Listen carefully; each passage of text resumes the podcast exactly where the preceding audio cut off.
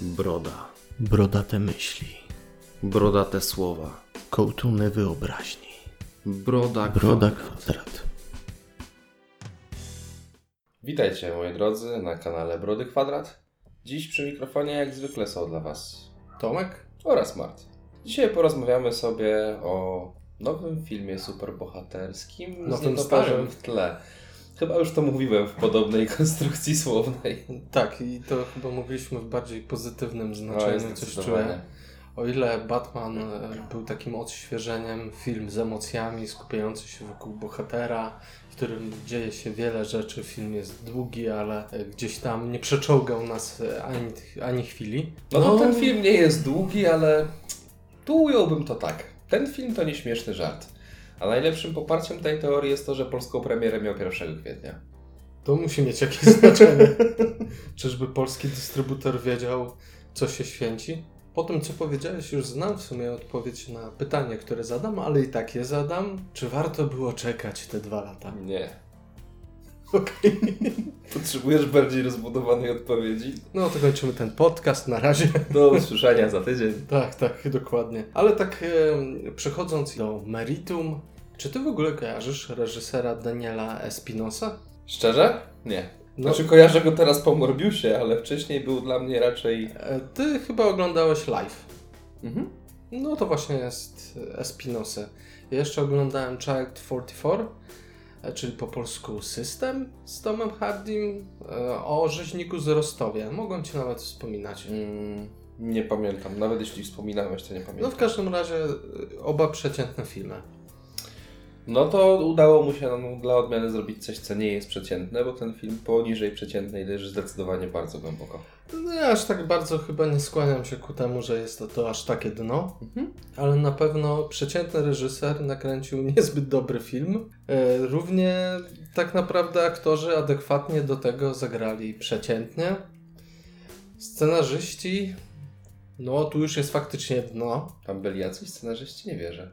No, a to nie był ten stażysta od efektów specjalnych z Marvela, gdzie Nie, to stwierdzili, że jego kuzyn, którego przyjęli chyba po znajomości, bo wie jeszcze mniej. A tu taki twist, bo to przecież nie jest Marvel do końca. No właśnie nie jest do końca Marvel, ale jak widać użyczają sobie stażystów, kultywowanie tradycji trwa. No ale cóż, IMDb 5.2, rodzimy Filmweb 5.2. Wszyscy są zgodni. Tak, tu akurat są wyjątkowo zgodni.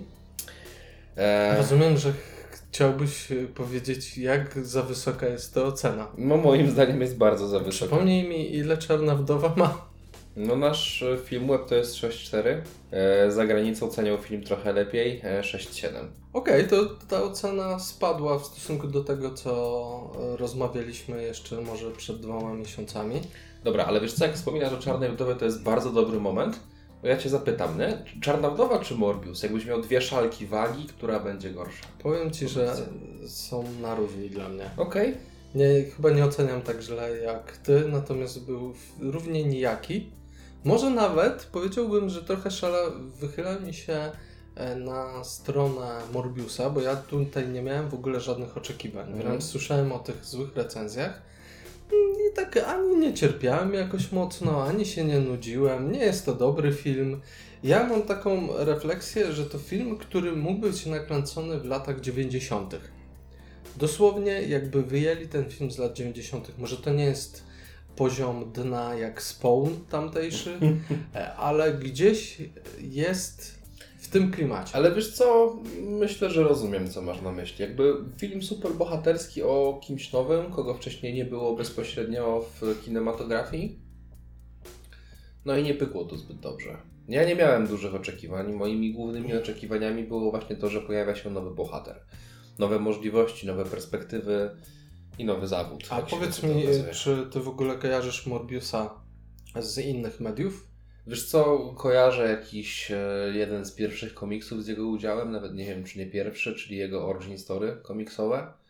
Mm, Wiem, że tam było dużo motywów z tym, jak on się próbował utopić, ale mu nie wychodziło. Szkoda, że czegoś takiego tutaj nie było, takiego mrugnięcia okiem. No ale to było dawno. Ja kojarzę go głównie z kreskówki ze Spider-Manem, która była swoją drogą fantastyczna. Byłem ciekaw, jak przedstawią go tutaj i już ta ciekawość mnie opuściła. Ale żeby nie było tak, że już zaczynamy od razu od e, samych minusów, to chciałbym zapytać Cię, że znajdujesz w produkcji jakieś plusy. Szczerze, mam z tym ogromny problem.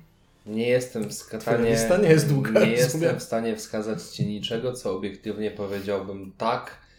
Jest super, to mi się podobało, to jest mała. Tutaj jakby jasna strona tego filmu. No dobra, a takie lekko dobre w takim razie. Co, albo coś, co Cię tak mocno nie raziło. To było będzie połączone z jednym minusem, ale Okej. mimo okropnego CGI w całym tym filmie, nad czym pewnie ty się za chwilę trochę więcej e, porozwodzisz, e, po części podobało mi się to, jak został wykreowany Milo po przemianie.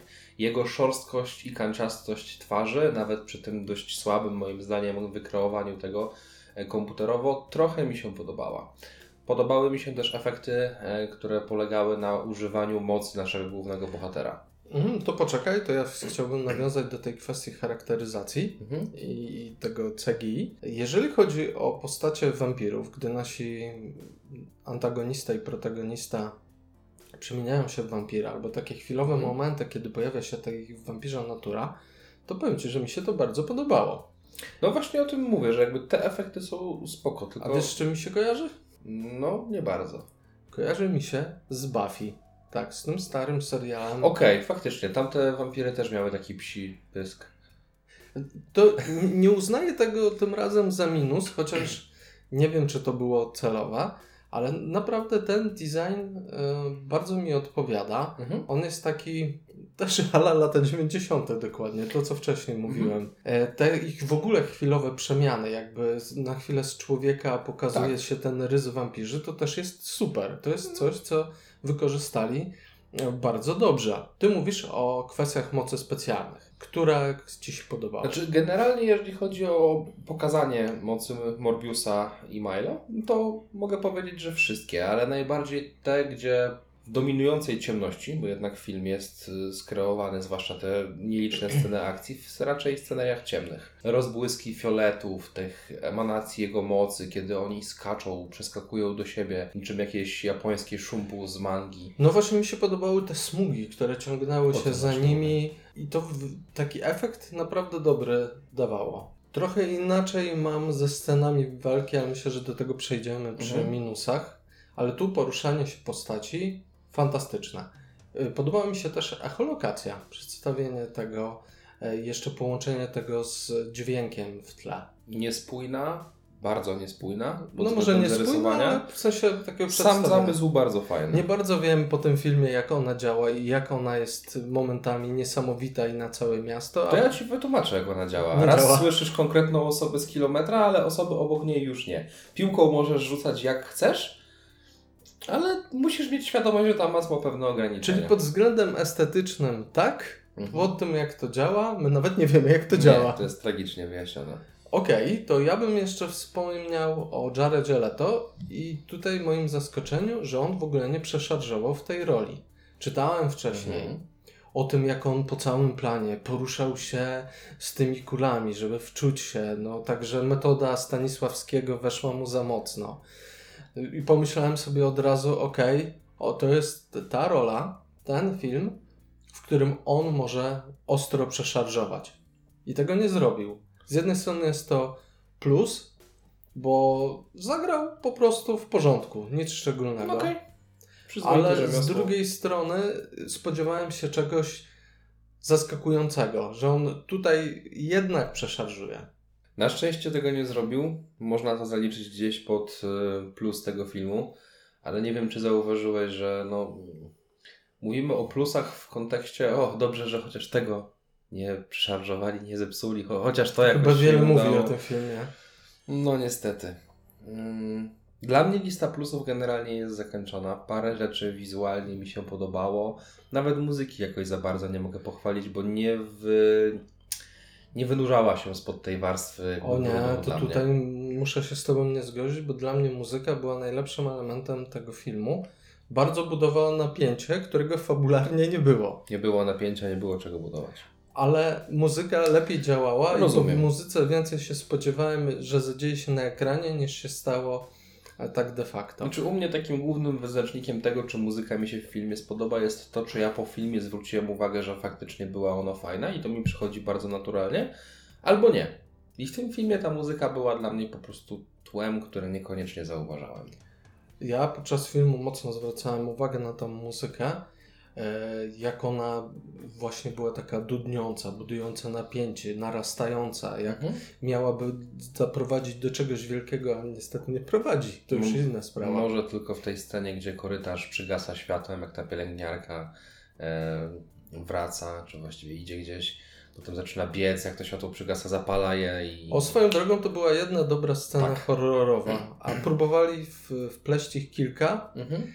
I tamte nie wyszły. Nie, tylko inaczej. To była najlepsza scena w tym filmie. W ogóle, moim zdaniem. Mm. No nie wiem, czy bym poszedł tak daleko, ale rozumiem Cię. Znaczy, to, to była dobra scena. Mam wiele rzeczy, które burzą mi resztę filmu, ta jest w miarę neutralna.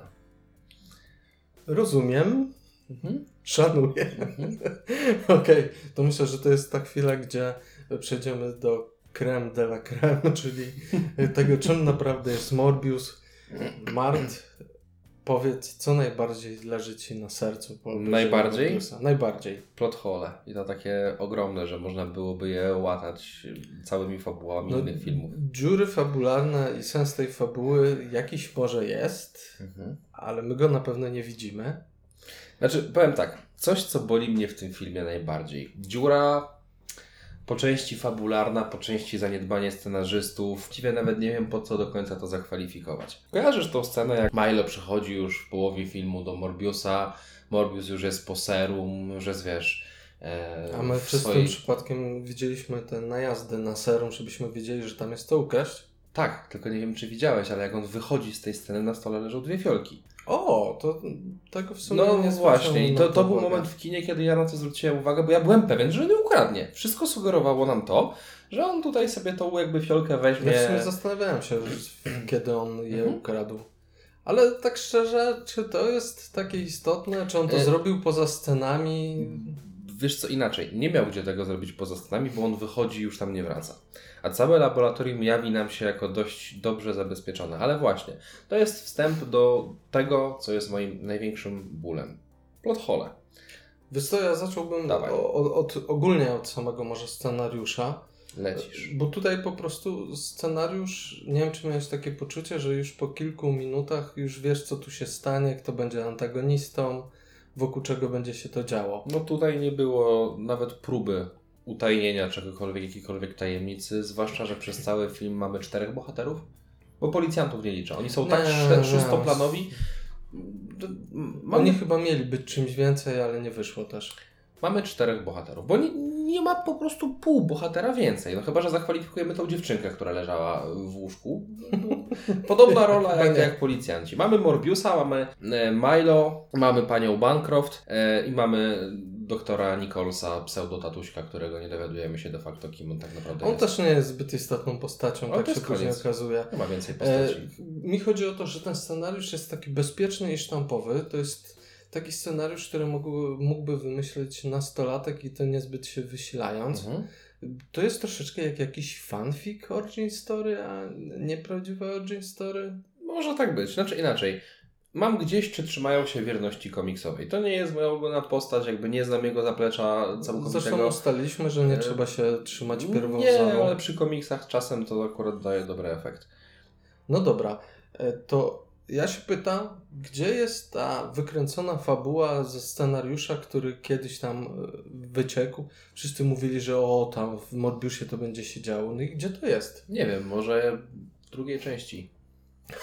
Myślisz, że będzie druga część? Nie wiem, ale No- gdzieś na pewno ta postać się pojawi, zwłaszcza biorąc pod uwagę, wiesz, ostatnie sceny po napisach. O, to myślę, że do nich Mhm. przejdziemy jeszcze. Co do, co do samej drugiej części, to niestety, ale istnieje duże prawdopodobieństwo, że będzie. Po pierwsze, po średnim Venomie mieliśmy drugą część, zresztą jeszcze gorszą. Hmm. No, tu możemy się spierać, ale uznajmy, że lepsza nie była niż ta pierwsza. Podobny poziom moim zdaniem. Filmy zarobiły. Tu już wiemy, że Morbius wychodzi na prostą i zaczyna zarabiać w tym momencie. No, wiesz co, coś co trzeba temu filmowi przyznać, to to, że mimo tego, że jest to ogromne dzieło, to nie kosztowało aż tak dużo.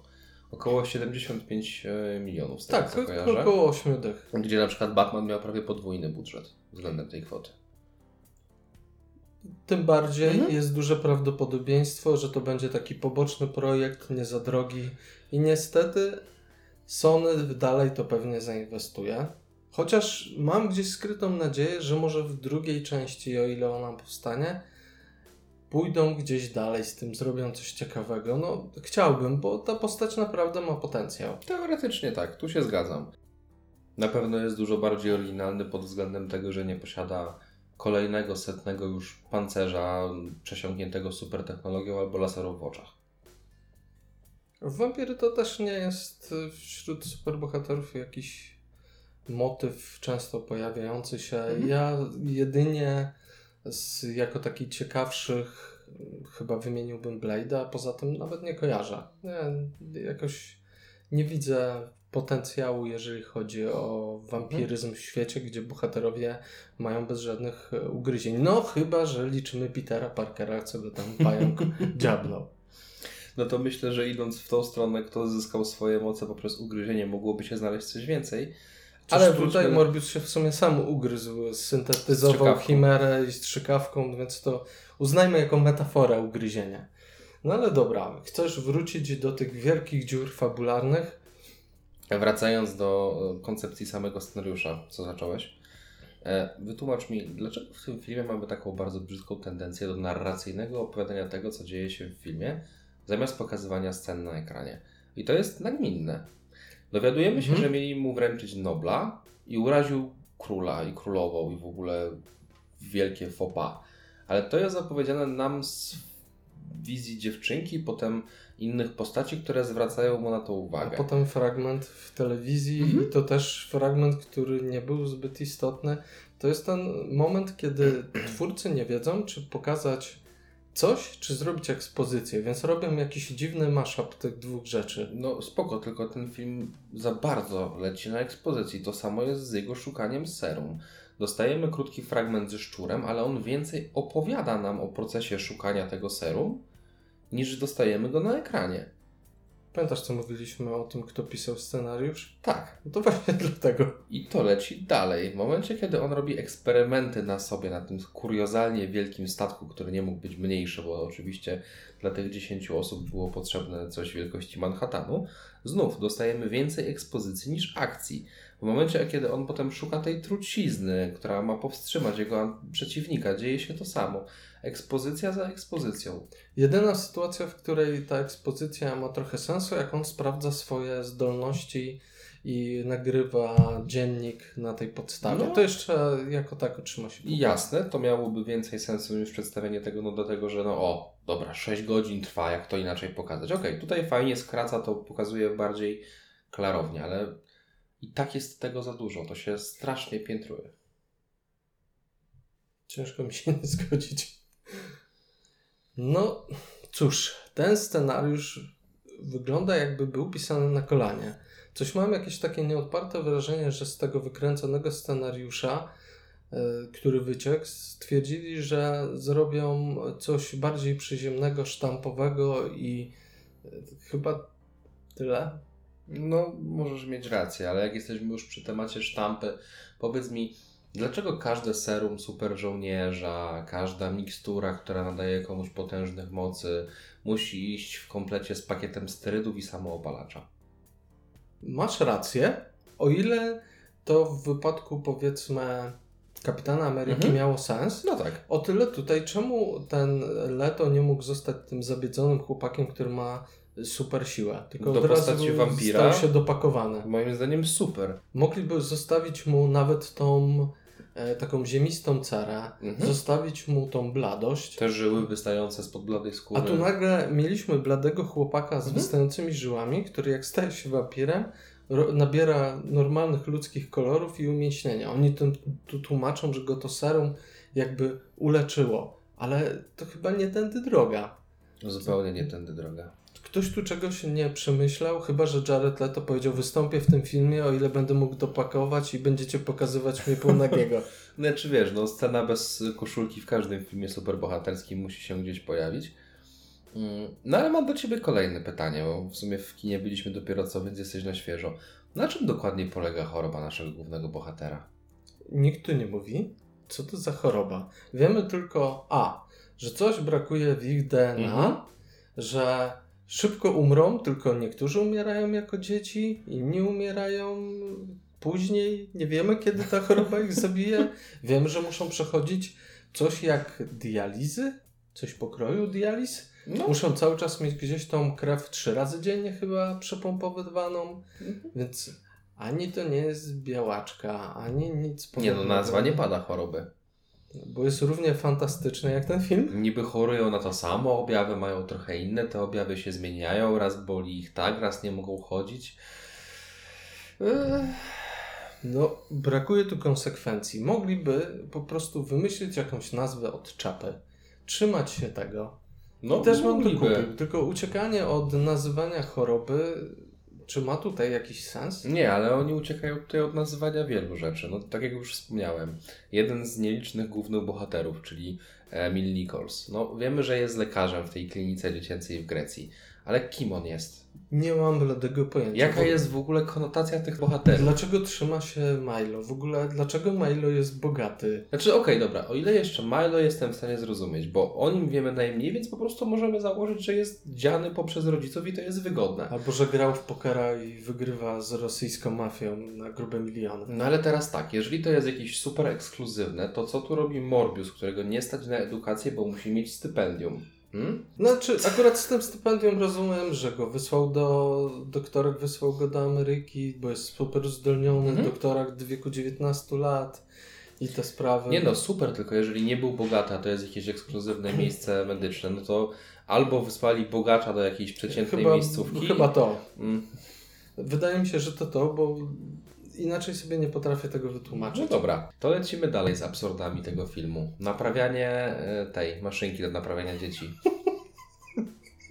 Nie wiem, co się stało. Dzieciak przyszedł śrubką, naprawił tą maszynkę i działa i fajnie jest. Jesteś super inteligentny, marnujesz się, tu użyłeś sprężynki. Mam wrażenie, że w tym filmie bardzo głęboko poszli do takiej e, naukowej, właściwie nie teorii, tylko już prawdy, że wszystko gdzieś tam składa się z podstawowych molekuł we wszechświecie. Wszystko, wszystko. I tym Mhm. sposobem z długopisa możesz naprawić sprzęt medyczny, potem e, z drukarek, tonerów, e, magli możesz stworzyć laboratorium wirówki. O matko. Czułem się jak podczas oglądania MacGyvera. Znowu lata 90. Ja ci mówię, ten film powinien wyjść w latach 90. On się nie spóźnił o 2 lata, tylko 30. No, zdecydowanie. W latach 90. to by był fantastyczny film. Dobra, to było dawaj, coś ty z jakimś swoim teraz minusem się wstrzel, bo ja cię zagadam dzisiaj. Tam podobno jest wątek miłosny, Tak? ale nie wiem o tym, bo wyszedłem do toalety. A, no tak, okej, dobra, o tym mówisz. No, była jedna scena pocałunku. E, cały film było budowane napięcie, ja myślałem szczerze mówiąc, że... Napięcie?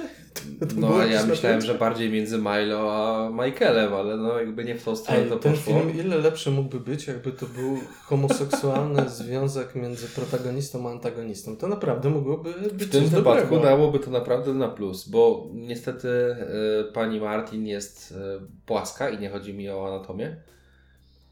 Po prostu ta postać nie ma żadnej głębi, ona sama nie wie, co sobą reprezentuje. Ona jest tym dobrym pomocnikiem genialnego doktora. No ale co ona de facto robi? I, Nie do, do czego ogranicza się jej pomoc? Jaka jest jej pojęcia. praktyczna rola? Nie pokazują, nie pokazują w ogóle, żeby ona pomogła mu w osiągnięciu tego celu. Oni o tym mówią. Robi mu zastrzyk, to jest jej aktywny udział w całym Robi coś procesie. nielegalnego, tak. Ale właśnie, na czym polega ta nielegalność całego aspektu?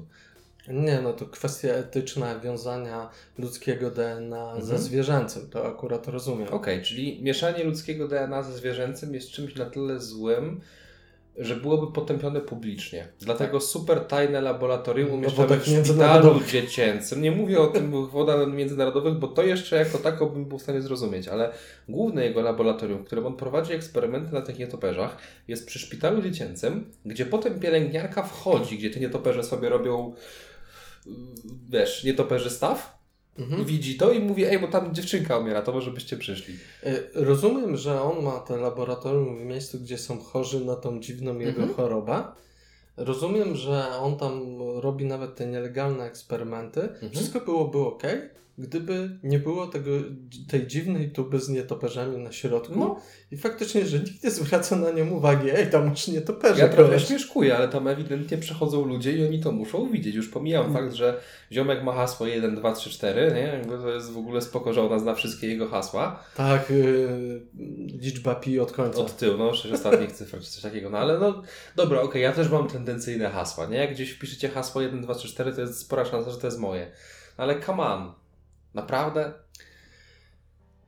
Ja trochę e, chciałbym sobie to tłumaczyć tym, że ludzie wchodzą, a to jest ten szalony naukowiec i on jest taki genialny i jest taki przy tym dziwny, że ma te nietoperze, akceptujemy to, bo Mhm. jest genialny. Jak ktoś pyta argumenty, co on tam robi? Wiesz co, nie przejmuj się, on Nobla nie przyjął, on jest głupi. Nie, słuchaj, nietoperze on lubi nietoperze, ale ratuje dzieci. Ja przez cały ten film nie widzę w ogóle tego, w ogóle tej chemii między postaciami. Bo jej nie ma. I w momencie, kiedy wychodzę do toalety w trakcie seansu, wracam i to dosłownie tak szybko spieszę się. I ty mi mówisz, że no, to była scena miłosna, znaczy pocałunku. Przez chwilę miałem takie pytanie, które na język mi się nasuwało, ale między kim? Mhm.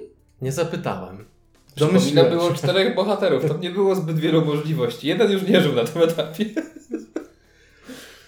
Ten wątek w ogóle nie powinien mieć miejsca, ale to jest niestety wątek, który pojawia się w bardzo wielu filmach, czyli pomocnica genialnego doktora, który jej trochę nie zauważa, a tu dodatkowo ma chorobę i przez to nie uważa się za w pełni normalnego i czego ona mogłaby szukać u niego, o matko boska. Ale nie kupuję tej argumentacji, że to nie wyszło, dlatego że Arkane animacji mamy jedną postać poboczną, która jest jakimś pomocnikiem. Dużo krócej. Dużo krócej, a to jest po prostu piękne, całościowe, koherentne, tam niczego nie brakuje. Dostrzegamy, tak?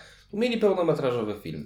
Mar, dożyliśmy czasów, gdzie stawiamy na piedestale kreskówkę, animację w stosunku do wysokobudżetowych filmów Znaczy, tu mi chodziło tylko o kreację tego samego, nie, bo mi, to jest, no tak, nie, nie, rozumiem, nie, rozumiem. Mart, mi chodzi o to, jakich czasów dożyliśmy, jak, jak to dziwne jest. Różnych, po prostu wszelkie media, które gdzieś tam wchodzą do popkultury są niewymierne względem siebie i no No dobra, zostawmy ten wątek miłości. zostawmy go O co chodzi z kolorystyką w tym filmie? No, Czemu ona jest taka ciemna i nic na niej nie widać? No bo to jest film o wampirach, więc Jest nie może mroczne, być... tak? tak. Jest tak mroczne, że nieczytelne. Mhm. Okej, kupuję to, przejdźmy Tu dalej. innego argumentu nie widzę. Też zwróciłem na to uwagę, zwłaszcza, że nieliczne sceny akcji są trochę zbyt ciemne. I o ile rozumiem, Mhm. że jakby koncept wampirów, wam nietoperzy i tak dalej, brakowało mi scen akcji w filmie akcji. A te sceny akcji, które były, pamiętacie, wspominaliśmy, że te smugi, które pozostawiają Mhm. wampirów w poruszeniu są fantastyczne. To w scenach walki, przez te smugi to jak oni to prezentują, z jaką szybkością, nie widać nic. Zupełnie nie widać, co się dzieje, kto z kim się okłada, w jakim miejscu. I nagle mamy slow-mo, prawie jak u Mhm. Snydera, zatrzymanie i jedziemy dalej, nic już nie widzimy. No, nie są najlepiej napisane, zwłaszcza, że totalnie nie rozumiem jednej rzeczy. napisane, wyreżyserowane, zrealizowane w CGI. Tam wiele elementów jest. Ale zobacz, jak on gdzieś skacze z wieżowca, przeskakuje z miejsca na miejsce, towarzyszą mu te fioletowe smugi. I one pięknie kontrastują z tym czernią, ciemnością, sprawiają, że tą scenę bardziej widać, jest uwypuklona. Czemu tego nie ma w trakcie walki? W trakcie walki o, ich smugi są bardziej szaro-czarne. Tak, one sobie mieszają się jakby ze sobą. Nie, nie bardzo wiem o co chodzi, do czego to prowadzi, ale te sceny walki są bardzo słabe. A mówię to, będąc niedługo po seansie Matrixa, który miał równie badziewne sceny walki, a i tak powiem Ci, sceny walki w Morbiusie są i tak bardziej ekscytujące niż w tym Matrixie. No właśnie pierwsze co powiedziałeś, jak wyszliśmy z kina, to że mimo wszystko więcej akcji niż w Matrixie i boję się go oglądać, chyba sobie jednego odpuszcza. Może się okazać odwrotnie, że po tym jak ja mówię, jaki to jest zły film, ty go obejrzysz i stwierdzisz, nie, o co mu chodzi. Wiesz, hype został zmniejszony do poziomu podłogi, więc teraz cokolwiek powyżej tego poziomu będzie efektem wow. Ma łatwiej chłopak. Powiem Ci, że więcej wzbudził we mnie emocji ten Morbius niż ten Matrix. Tam dosłownie był, czułem się jak oglądając Czarną Wdowę, a tutaj chociaż jakieś emocje są. To nie jest dobry film, ale gdzieś cokolwiek we mnie wzbudza. Tak, ten film wzbudza we mnie Głównie te złe emocje. głównie te złe emocje i takiego małego nerwa, że coś, co mogło być fajne, zostało zrealizowane kiepsko, a nawet nie było oczekiwań zbyt dużych. No nie było, nie było. Ja po prostu załamuję się nad tym, jak pokazane są tutaj dylematy moralne. To jest dla mnie jakaś abstrakcja. Pokazują nam tego doktora Morbiusa, który teoretycznie ma dobre serce, Mhm. chce ratować ludzi, gdzieś popełnia Mhm. błąd, idąc w tej nauce za daleko, dokonując tej hybrydyzacji, powstaje ta chimera, on e, na sobie eksperymentuje i zabija kilku najemników. Mhm. I mamy wprost powiedziane w tym filmie podczas przesłuchania, ci najemnicy na pewno mieli coś za uszami, Mhm. nieważne, nimi się nie przejmujemy, ich zabójstwo nie jest istotne. Pytam się, ale halo, co jest? Dlaczego nie jest istotne? Bo pokazali nam jedną scenę, jak jeden z najemników był niemiły, to co? Bo, bo był twardy i niemiły, to znaczy, że jego zabójstwo to tam na pewno coś mieli za uszami. Ale co mieli za uszami? Dlaczego uznajemy, że to nie było morderstwo i mówimy, film wybiela nagle naszego bohatera, mówiąc, przecież on nikogo tak naprawdę nie zabił. Wiesz co, no, to o czym mówisz, że też chciałem o tym wspomnieć, jest akurat o tyle słabe, że gdyby to powiedział Milo, gdyby to powiedziała ta jego pannica, z którą tam miał ten długi wątek romantyczny, to jeszcze jakoś bym to kupował, ale to, co ty mówisz, pada ze strony agentów federalnych. Oni, przypomnij mi, ale chyba nie ma czegoś takiego w prawie, że jak jesteś złym człowiekiem, to cię można gnoić. Nie, No, zabójstwo nie? to jest jednak zabójstwo. No, to tak myślałem. I szczególnie te, które nie jest popełnione w samoobronie. Okej, no rozumiem. Jeszcze I tu nie trochę- było w samoobronie. Nie było w samoobronie, trochę go może ratować to, że to się działo teoretycznie na wodach międzynarodowych, nie? Czyli jakby no niby nie u nich, statek na fladze panamskiej, nie wiem jak to dokładnie działa, ale no nie wnikajmy tak może lepiej w te tak, kwestie. zabił 8 osób. Niezależnie jakich. Batman by tego nie pochwalał. Zależy, który Batman. No tak. Chyba, że Ben Affleck. Ale dobra, też nie wracajmy do, do, do kwestii Batmanowości.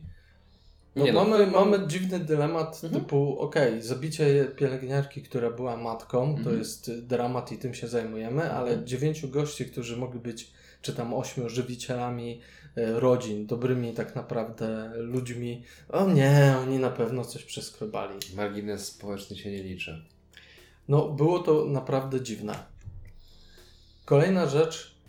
Chyba przez chwilę chcieli nam pokazać, że tu jest jakiś dylemat moralno-etyczny związany z tą kwestią eksperymentów, z tym, co można robić, gdzie bawić się w Boga, ale ja tego nie widzę. Wiem, że chcecie mi coś pokazać, ale robicie to w taki sposób nieudolny, dziecinny, że nie jestem w stanie tego kupić ani trochę. Ja bym chciał bardziej zrozumieć, jak dokładnie działa ta niepohamowana chęć picia krwi. Jak alkoholizm. E, No dobrze. Mi się wydaje, że tutaj działa to dosłownie jak alkoholizm. Chciałbym rozbić to na kilka przykładów. Na początku, kiedy Morbius się przemienia, totalnie idzie w rage, wymorduje tych ośmiu ludzi, którzy są nieistotni. To dlatego, że jednak wokół wampirów Mhm. i w większości czy systemów RPG, gdzie są wampiry, Mhm. czy filmów, jest powiedziane, że tuż po przemienieniu wampir wpada w niekontrolowany szał krwi. Spoko. I tutaj jeszcze to kupuję. To też rozumiem, tu mamy jeszcze tą symetrię, że w momencie, kiedy Milo się przemienia, też zabija pielęgniarkę. Też sam mówi, nie Tak, mówi, że tego nie chciał. Okej, Mhm. czyli jeden, jeden mamy po punkcie. Potem mamy natomiast pokazane, że Morbius dostaje świra za każdym razem, kiedy pojawia się krew i ma dużego, duży problem, żeby ze sobą jakkolwiek się kontrolować wtedy. Tylko tutaj też nie ma konsekwencji, bo ludzie, którzy są żyją i su- słyszy ich tętnice Mhm. krwi nie przeszkadzają mu, Tak. ale jak krew się tylko pojawi, to chyba o to chodzi? No, ale właśnie, zobacz, jak się pojawi. On widzi tą krew w woreczkach. Nie, nie, spoko, jest zamknięta, widzę ją, ale mnie nie rusza. Jego e, pannica zacięła się w palec tą puszką od kociego żarcia. To może być kwestia tego, że tam jest syntetyczna, którą on wiemy, że stworzył, za co miał dostać Nagrodę Nobla, Mhm. a tutaj jest prawdziwa? Miał jedną i drugą. Tam były woreczki z niebieską i czerwoną krwią w chłodni. Okej, no to w sumie nie ma sensu. Ale no, pójdźmy dalej. Kropelka krwi i on już mówi, o, schowaj to, bo ech, kusi. Potem oczywiście mówi, że nie, nie, ja bym ci nic nie zrobił. No ale z drugiej strony Milo zarzyna prawie tego profesora. Szpony przez brzuch. Wgryza mu Ale się nie jeszcze. wybija go. Ale nie zabija go. Ziomek, który bardziej hołduje swoim instynktom, tym wampirzem, nie ma problemu z tym, żeby nie popaść w opętańcze wypicie kogoś do słucha. Czyli nie wiemy tak naprawdę, czy oni muszą pić do sucha, żeby zaspokoić swój głód, czy wystarczy im wypić chociaż trochę, czy oni mogą się pohamować. No to Mhm. nic nie jest pokazane, przez to wszystko, na czym my się opieramy, to tylko domysły. To, co teraz mówimy, to tak naprawdę jedynie nasze No domysły. właśnie o to mi chodziło, że niestety niektóre rzeczy, które warto byłoby wytłumaczyć. Tu mogłaby być ekspozycja. Dokładnie. A tu jest ekspozycja tylko i wyłącznie. E, wcześniej wystarczała mi krew na 6 godzin, teraz wystarcza na 4 godziny 22 minuty. I o ile doceniam mrugnięcie okiem z 4.20, o tyle nie do końca rozumiem, czy to miało aż tyle sensu, żeby tak bardzo to eksponować w filmie. Można było po prostu no, skupić się na bardziej witalnych kwestiach. A może na postaciach, które dwie z czterech umierają, co? Mhm. Znaczy, właśnie, umierają. Czy aby na pewno. Czy aby na pewno, bo tam był taki roz... Jakbyś wyszedł drugi raz do toalety, to mógłbyś Ale przegapić. to poczekaj, to najpierw zacznijmy od tego, żeby dać motywację naszemu bohaterowi do walki ze z antagonistą. Mhm. Muszą umrzeć dwie postacie. 50% obsady. To brzmi bardziej dramatycznie. Gdzie my już wiemy, że on nam wyłożył swoją motywację do walki z tym antagonistą, czyli że on robi źle, że popada w morderczy szał, że chce mu pomóc, to mój przyjaciel. I ta motywacja by wystarczyła. Te Mhm. zabójstwa nie były potrzebne i one za wiele nie zmieniły. Czy ty widziałeś ten dramat na twarzy Jareda Leto, jak oni umierali? Bo Nie, bo było za ciemno. pomijając ciemność, Znaczy, okej, jakieś tam ujście emocji dał w momencie, kiedy już wypił swoją dziewczynę. Mm, Bo tam się w nią wgryza, a potem... Trochę. Mhm. Tam potem sobie pokrzyczał chwilę. No dobra, ale to skoro do tego nawiązujesz, ja wiem, jak działa wampiryzm przez osmozę świata mroku Mhm. i oglądania seriali typu True Blood i Mhm. tym podobnych. No i w tym momencie, jak ona go, nie wiedzieć czemu, umierając w ostatniej chwili agonii, gryzie go w język, żeby kropla jego krwi e, skapnęła e, w jej usta. O matko. No, Ja już wtedy stwierdziłem, że tu wiele nie uratuje tego filmu. Znaczy wiesz, no ta scena była ewidentnie tylko po to, żeby ta postać mogła jakkolwiek wrócić. Mnie najbardziej martwi to, że jestem wielkim przeciwnikiem jednej z największych klisz, czyli mamy bohatera czy tam antybohatera, dajemy mu jako przeciwnika no, kalkę jego mocy, tylko trochę inaczej. Jakby pokazali, że oni mają zupełnie inne moce. Tutaj wiemy jedno, Morbius potrafi e, kierować i przyjaźnie się z wampirami nietoperzami. Mhm. A poza tym wszystkim oni mają takie same moce, zdolności fizyczne, tak samo są silni, sprawni, Mhm. szybcy. Jakby pokazali, że oni stali się zupełnie czymś innym. Tamten mógł się stać tym fizycznym e, wampirem, si- niesamowicie silnym. No tak. Na przykład Morbius tym bardziej opierającym się na zmysłach, Mhm. szybkości, żeby był cokolwiek jakaś różnica. No, ten, który leci na zwykłej krwi ludzi, mógłby się stać taki bardziej pierwotny. Mhm, dziki, Mhm, nieujarzmiony. Dokładnie. Chociaż no, zakładam, że tutaj nie chcą iść w tą stronę, dlatego że ciężko im przewidzieć, jaki projekt artystyczny ta postać będzie miała przy kolejnych produkcjach, tudzież innych produkcjach, w których będzie się pojawiała. Dlatego zrobili ją najbardziej niejaką, Tak. jak tylko można. Ja chyba, wydaje mi się przynajmniej, że albo chciałbym to widzieć, że tam miał być głębszy konflikt moralny między tym, że to są przyjaciele. Tylko tego zwyczajnie nie pokazali. Nie ma tego, że oni muszą walczyć ze sobą, mimo że tak naprawdę kochają się braterską miłością. No nie czuję tego zupełnie. Znaczy nie, no, ten wątek mimo wszystko z boku, chociaż nie jest wytłumaczony w filmie, jest dość prosty, tak? Jesteśmy przyjaciółmi, ty zaczynasz... Czy on przeja- tam jest, tylko ja go nie czuję. No, rozumiem. Natomiast jeszcze jedną rzecz chciałbym, żeby, żebyś mi spróbował wytłumaczyć, może to zrozumiałeś, O, może to ja ciężka nie. sprawa. E, w momencie, kiedy on w tej swojej drukarni banknotów slash laboratorium opracował już truciznę, Mhm. no to pada kwestia, że ona go pyta, po co ta druga porcja? No i on mówi wprost, że jakby sprowadził na świat pewną plagę, której trzeba się pozbyć i sam ma świadomość tego, że prędzej czy później, raczej prędzej przestanie się kontrolować i w momencie, kiedy pokona mm, Milo, no to druga jest dla niego. No i później nie widzimy tego zwieńczenia. Gdzie następuje przemiana bohatera, który stwierdza, że jednak tego nie zrobi, bo umarli mu wszyscy, na których mu zależało? To może dlatego, że ten film kończy się tuż po ostatniej walce, nie ma ża- żadnego, żadnego wydźwięku, nie ma żadnego, e, żadnej rozmowy, choćby jakiegoś dialogu wewnętrznego bohatera. Po Mhm. prostu film się urywa. To jakby chcieli nagle dokończyć film, gdzieś był jakieś wią- wątki do domknięcia, nie wiem, mogła się pojawić jeszcze ta jego niby ukochana, Mhm. gdzieś mogli coś przedyskutować, stwierdzić, że może z tymi mocami są w stanie zrobić coś jednak dobrego. No cokolwiek. A nie mamy sceny tylko jak on leci, widzimy jego wykrzywioną twarz, koniec Morbius. No, I fajna muzyka. Ja wiem, że może ty nie pochwalasz, ale ten jego główny motyw, spoko. ten Mhm. główny motyw naprawdę jest dobry. I jest coś jeszcze na koniec. Scenę po napisach. Dokładnie scen po napisach. Na szczęście napisy były krótkie, tu To muszę prawda. docenić. Za dużo osób nie pracowało przy tym. To może się przekonać na efekt końcowy. Może, może.